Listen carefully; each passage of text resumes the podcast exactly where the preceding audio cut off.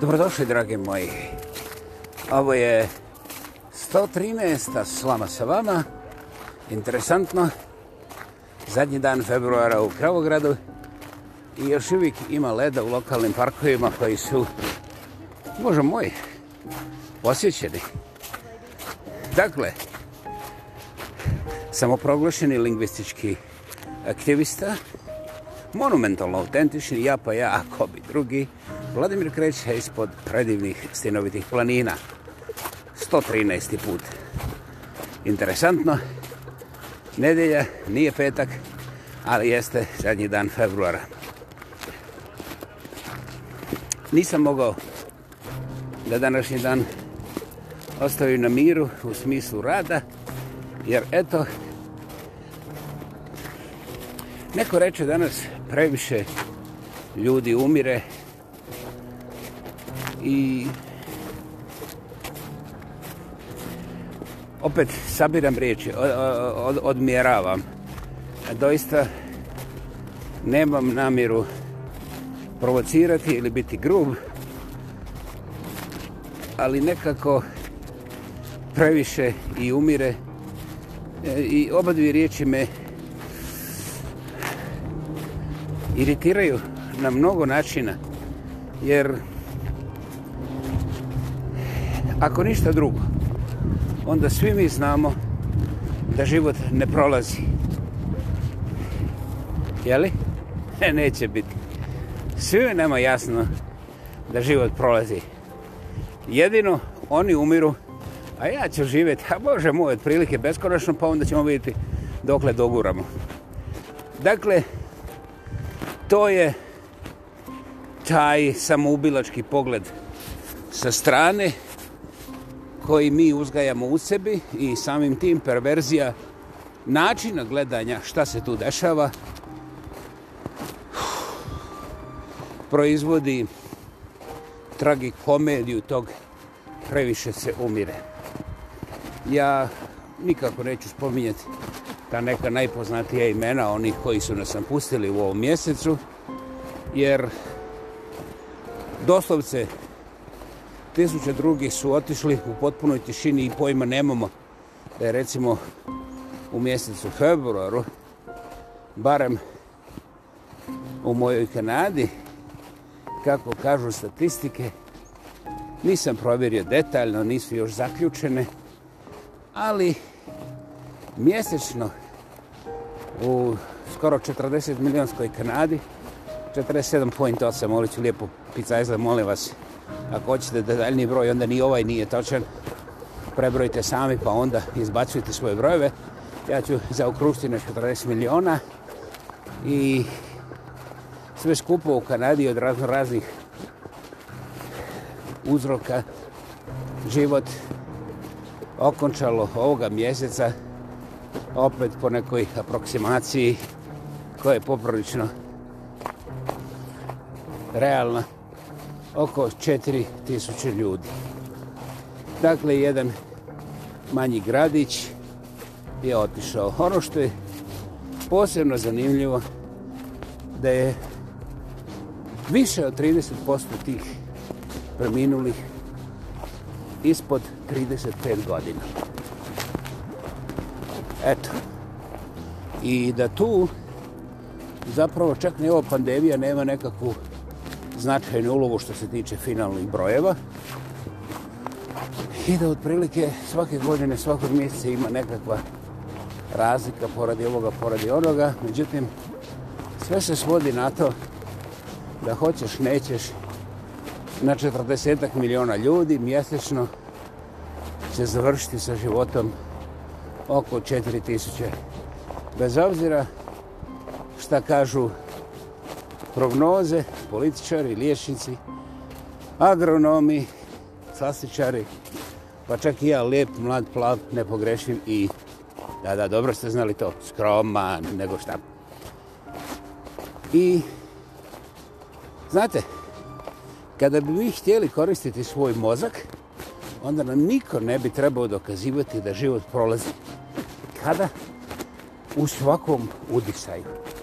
U svakom sekundu u svemu što radimo i kada bi mi imali tu svijest kako ne prolazi život samo od onih ružnih, glupih, nama omraženih, nego da i naš život istovremeno teke istom bržinom. Mm -hmm, dobro ste čuli. Naime, ne postoji neki kineski sat koji je brži od moga zapadnjačkog sata. Ne postoji neki moj kapitalistički sat koji je brži od ruskog komunističkog sata. Znate?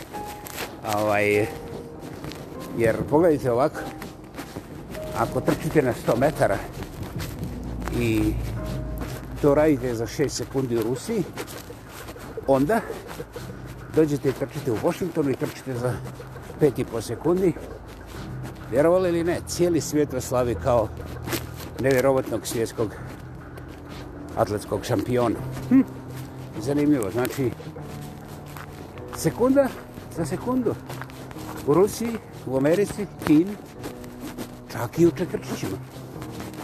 Dakle, kada bi vi počeli gledati tako, ovo je brutalno, ovo je, ovo je ispod primitivno, ali ovo je naša naučena zatucanost koju mi održavamo, jer ne dozvoljavamo tome saznanju da dođe u našu vlastitu stvarnost, jer onda bi mi bili toliko prestrašeni i blokirani da ne bi ništa uradili. Dakle, to je isto kao i onaj što hoće da uradi nekakav posao, ali ne može dok ne popije dva, tri čokanća vatrene vode i onda ima hrabrosti da to uradi. Pritome mu niko nije rekao da nikakva hrabrost ne igra osim njegove vještine. Iako on ne zna da uradi to, da mu ni brdo hrabrosti te tekuće ne može pomoći. A da, ima i ta sitnica. U jednom momentu ta tekuća hrabrost može da preuzme kontrolu u cijelosti i da napravi ne samo budalu, nego napravi leš, što je dobro. Ali ako napravi invalida, u, to je strašno neopisivo skupo. A da li boli, to baš nikoga ne zanima, to je ono, znate. Eto ga.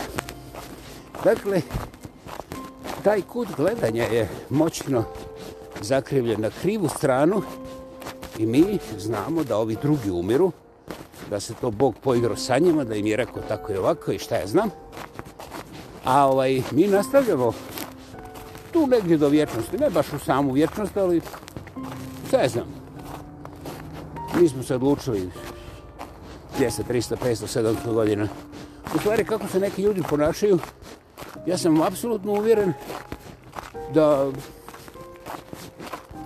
oni nikad nisu pomislili da recimo nema šanse da pređu 253. rođendan. A oni su već spremili pare sa strane za svoj 374. rođendan jer namjeravaju na Havajajcima da ga proslave. Ovo čak nije ni šala. Ali sreo sam ljude koji su vrlo slični upravo ovome što sam rekao. I to proizvodi najveći pritisak ne na politički sustav, ne na tamo nekakve sociološke fenomenologije, nego to je strašan pritisak za familije. Familije se raspadaju zbog te uobraženosti. Pa onda politika i tržište preuzimaju svoje kada se to prelije na ulicu. Dakle,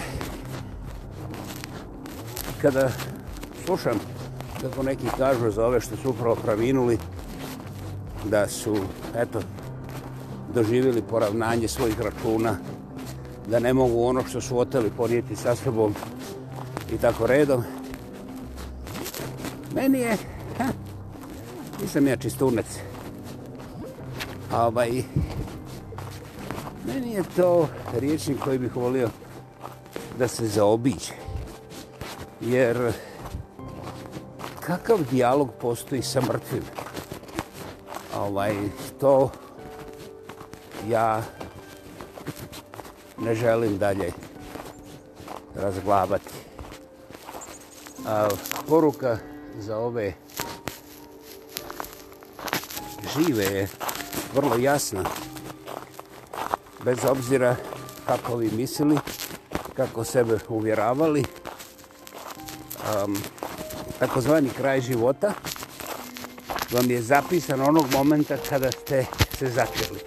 Znači da niste dobili taj život odmeku, da nekako uopće ne istražujem od koga, kako, zbog čega.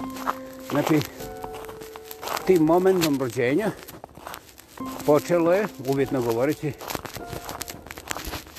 čekanje smrti. Dobro, vi ne morate da čekate, ali nešto u prirodi odbrojava do vašeg sudnjeg dana koji sigurno neće biti na 357. rođendanu, nego će biti to oh, oh, znatno ranije. Dakle, nezasitnost, grabež, nepoštenje i sve te neuravnoteženosti i neljudskosti nisu završene danas. Nisu završene odlaskom jednoga neuravnoteženosti ali su šanse da se podsjetimo kako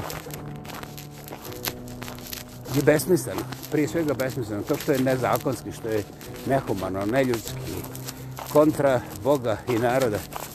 To su sve lijepe epiteti za razglabanje za ovaj verbalni ping-pong. Međutim, činjenica je da u prirodi postoji neka apsolutna moć koja, kad kažem prirode, da mislim na cijeli univerzum, ne samo na ovu planetu. Dakle, postoji ta neka moć koja, kako kaže doktor Chopra, ne ostavlja u cijelom univerzumu ni jedan dug nenaplaćen. Kako ga naplaćuje ta sila? To je već predugačka priča koju ja neću dodirivati. Međutim, ja sam sebi ponavljam te riječi doktora Čopre i ne znam kako, to je vrlo kompleksna stvar koju nekako moji zglobovi primaju sa olakšanjem, sa viškom kisika, sa, ne sa euforijom, nego sa mirom reagiram na to.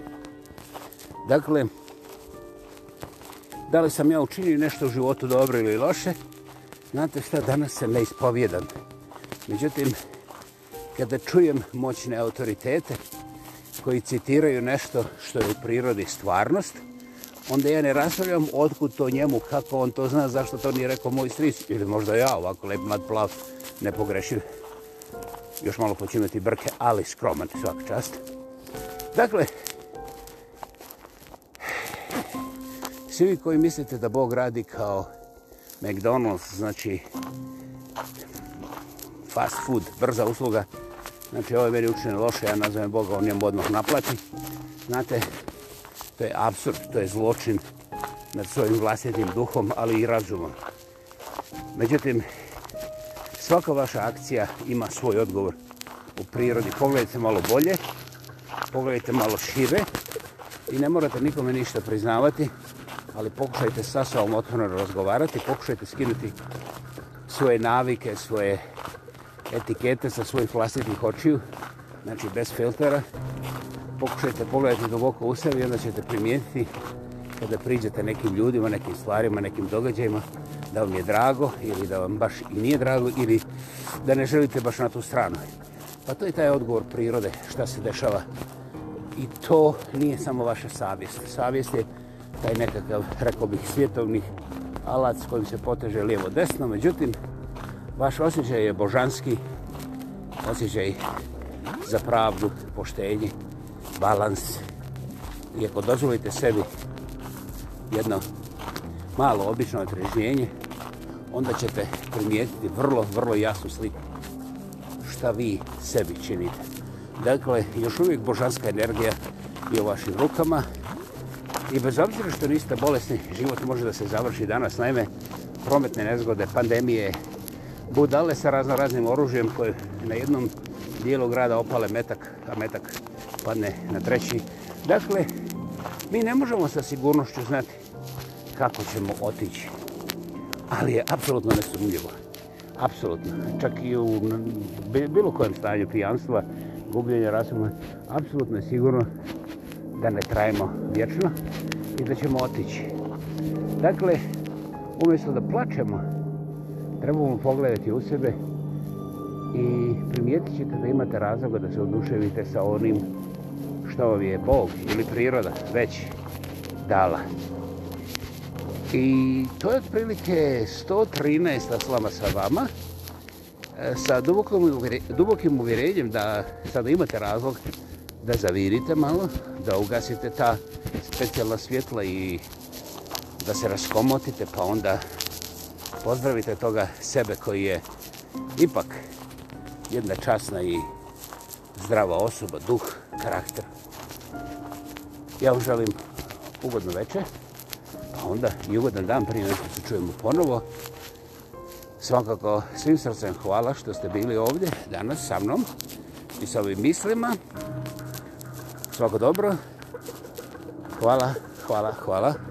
Čujemo se ubrzo ponovo. Hvala. thank you